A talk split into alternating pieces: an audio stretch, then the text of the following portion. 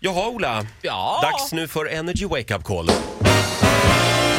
har du till oss? Bra! Vem ringer vi idag Ola? Till Hanna i Örnsköldsvik. Hon har parkerat i en backe och glömde dra åt handbromsen. Aj då. Och då rullade bilen in i en husvägg. Oj. Inte så bra. Men ingen blev skadad va? Men vi ringer här nu från polisen och det har hänt någonting på andra sidan den här husväggen. Jaha. Inte oj. bra. Aj, aj, aj. Hej, det är Hanna. Är detta Hanna Öhman ja? Ja, Hej, Birger Magnusson här på Örnsköldsvikspolisen. Har du en minut? ja. Eh, har du åtgärdat det här med handbromsen?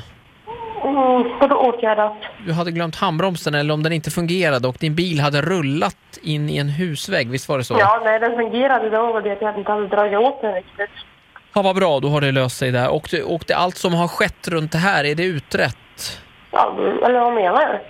Den här husväggen då, eh, som bilen rullade in i, insidan av den, där har det hänt en grej nu som jag måste ta med dig för det har upprättats en till anmälan här. Okej. Det är tyvärr så att det var en Carl Larsson-tavla som hängde på innan väggen där och ganska berömd, naken i skärgårdsljus. Och eh, den har då trillat ner nu Okej. så att det kommer komma ett försäkringskrav till dig. Okej. Så då undrar jag egentligen, erkänner du brottet om vi börjar där? Ja. Vad bra, då kryssar jag i där. Eh, och jag vill att du ska veta att den här, eh, det här beloppet då kommer eh, ligga någon strax över 30 000 som du blir krävd på då. Men va? Ja, precis. Jag förstår att det är, det är mycket pengar, men tavlan i sig är ju värd över 150 miljoner. Va? Så Oj. att, eh, man- man har en viss förståelse för. Tyvärr då så kom den också, tavlan trillade ner på en mingvas som stod på en piedestal som nu har gått i, i massa bitar här. Okej. I den här mingvasen så var det sån här eh, lagrad soja Oj. som spilldes ut över en Carolina Gynning-kudde. Okej. Sen då började mögla i den här kudden. Det spred sig till parketten som är då eh, gamla parketten från Nordstedts förlag som har transporterats och det var en antik K-märkt parkett. Men har du börjat mögla sådär snabbt? Ja, det har gått väldigt, väldigt fort. Men det... Ja, det är väldigt tråkigt. Men, men i alla fall, vi, vi kallar in dig på förhör och då kommer det förhör bli då med förhörsledare Roger Nordin, bisittare kommer vara Titti Schultz och jag själv, Ola Lustig, kommer stå för, jag kommer anteckna.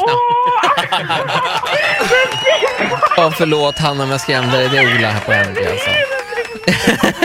Vem har gjort det här? Sara Öberg. Ja, så idiot!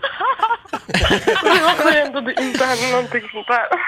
Jag förstår det, det här är det sista du behöver för det här är inte första gången du har glömt handbromsen va? Nej.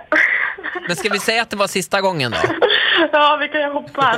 Ja, vi säger så och så får du ta och ringa till Sara nu. Ja, tack så mycket. Ja, tack för idag. Ja, hej då. Hej då. Tack för idag säger vi till Hanna, får en applåd av oss. Hanna kommer aldrig mer att glömma handbromsen, så är det. Nej. Nej.